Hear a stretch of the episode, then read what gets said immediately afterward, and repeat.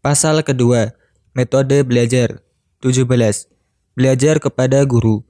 Pada prinsipnya, menuntut ilmu itu harus dengan belajar kepada guru dan langsung mendengarkan ucapan syekh, bukan melalui tulisan atau buku. Cara belajar pertama sejenis bernasab kepada nasab yang bisa berbicara, yaitu guru. Adapun cara kedua, yaitu belajar dari buku, ia benda mati. Bagaimana mungkin bernasab kepadanya? Ada ungkapan yang mengatakan, Man dakhala fil ilmi wahad wahdahu kharajal minhu wahdahu. Barang siapa yang memasuki ilmu sendiri sendirian, niscaya ia akan keluar darinya sendirian pula. Maksudnya, barang siapa yang mempelajari ilmu tanpa guru, maka ia selesai mempelajarinya tanpa memperoleh ilmu, karena ilmu itu adalah keterampilan. Sedangkan setiap keterampilan membutuhkan ahlinya. Untuk mempelajarinya dibutuhkan seorang guru yang ahli. Demikianlah hal yang hampir menjadi kesepakatan para ulama, kecuali segelintir ulama yang nyeleneh seperti Ali bin Rudwan al-Mansri al-Masri at-Tabib yang wafat tahun 453 Hijriah. Para ulama di zamannya maupun sesudah mereka telah membantah pendapat ini. Al-Hafiz Zahabi rahimahullah ketika menulis biografi Ali bin Ridwan al-Masri berkata, ia tidak mempunyai guru. Ia sibuk belajar dari buku dan menulis sebuah buku tentang cara belajar dari buku secara autodidak.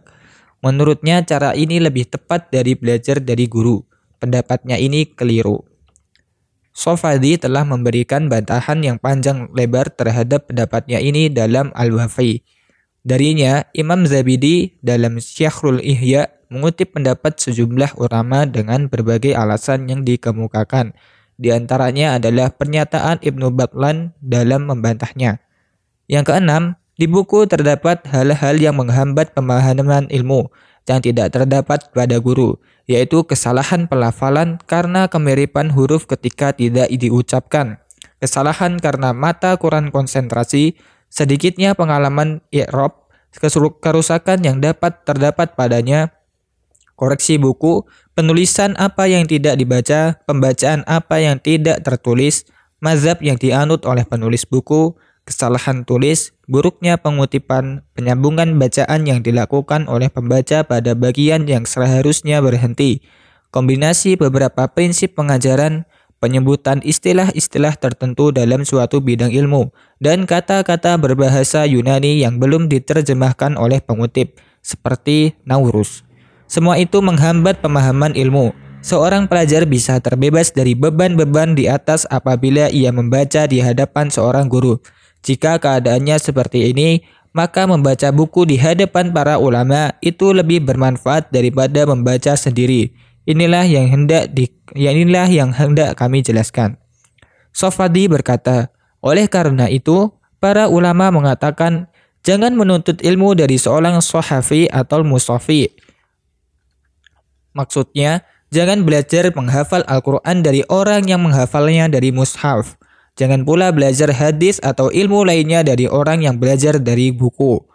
Bukti materi tentang salahnya pendapat Ibnu Rudwan adalah engkau melihat ribuan biografi para tokoh sepanjang zaman dan dalam berbagai bidang.